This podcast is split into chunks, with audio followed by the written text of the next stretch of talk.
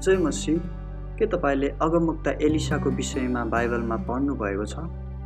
अगमवक्ता Elisa एक शक्तिशाली व्यक्ति थिए।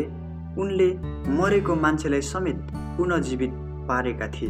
तर के तपाईँलाई थाहा छ उनले सेवाकाईलाई सुरुवात गर्दा उनको काम के थियो भनेर? उनको काम अर्को एकजना अगमवक्ता एलियाको जुठो हातमा पानी हाल्ने थियो। जब जब एलियाले खाना खाएर सकाउँथ्यो तब तब एलिसाले जुठो हात धुने पानी एलियाको हातमा खनाइदिन्थे।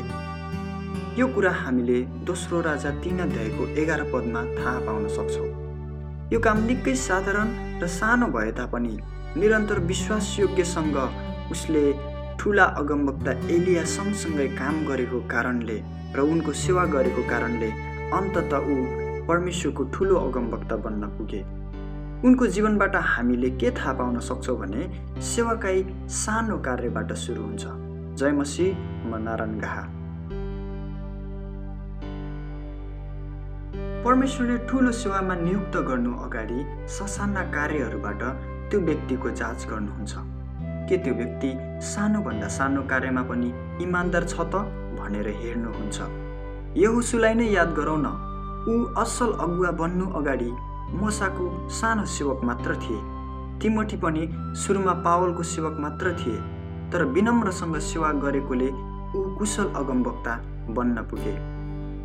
बाइबलमा धेरैजसो अगुवाहरू झुकेर काम गरेको कारणले महान बन्न सकेका छन्। आज धेरै व्यक्तिहरू सेवाकाईमा असफल भएका छन् किनभने उनीहरू अरूको सेवा गर्न होइन तर आफ्नो नाम र आफ्नो सेवाकाईलाई मात्र फैलाउन चाहन्छन्।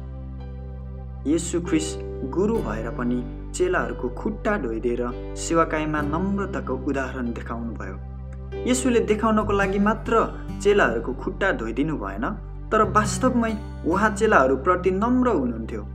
उहाँ मृत्युसम्म नै नम्र हुनुभयो। नम्रता एकैछिनको लागि मात्र होइन तर मृत्युसम्म नै नम्र हुनु एकदमै आवश्यक छ। यसु आफैले भन्नुभएको थियो कि उहाँ सेवा पाउन त होइन तर सेवा दिनको लागि आउनुभएको मर्कुस दसको पैँतालिस। त्यसैले हरेक समय सेवक जस्तै बनाऊ। यदि तपाईँ सदा सर्वदा परमेश्वरको सेवक बन्न चाहनुहुन्छ भने मानिसहरूको पनि सेवक बन्नुहोस्। अरूहरूमाथि हैकम चलाउने होइन बरु अरूको सेवा गर्ने मान्छे चाहिँ सफल अगुवा बन्न सक्छ। जब तपाईँ सफल अगुवा बन्नुहुनेछ तब अरूहरूले तपाईँको आदर र तपाईँको सेवा गर्नेछन्। अनि जब अरूहरूले तपाईँको आदर र सेवा गर्नेछ त्यो कुराले तपाईँमा घमण्ड ल्याउनु हुँदैन। तपाईँलाई सेवा गर्ने व्यक्तिलाई तपाईँले आफ्नो दास जस्तै नमान्नुहोस् तुच्छ दृष्टिले नहेर्नुहोस् तर आफ्नो परिवार जस्तै मान्नुहोस्। यदि तपाईँ आफैले आफैलाई उच्च पार्न खोज्दै हुनुहुन्छ भने परमेश्वरले तपाईँलाई होच्याउनु हुनेछ। तर परमेश्वरको सामुन्ने तपाईँले आफैलाई नम्र तुल्याउनु भयो भने ठिक समयमा उहाँले तपाईँलाई उच्च पार्नुहुनेछ। धन्यवाद।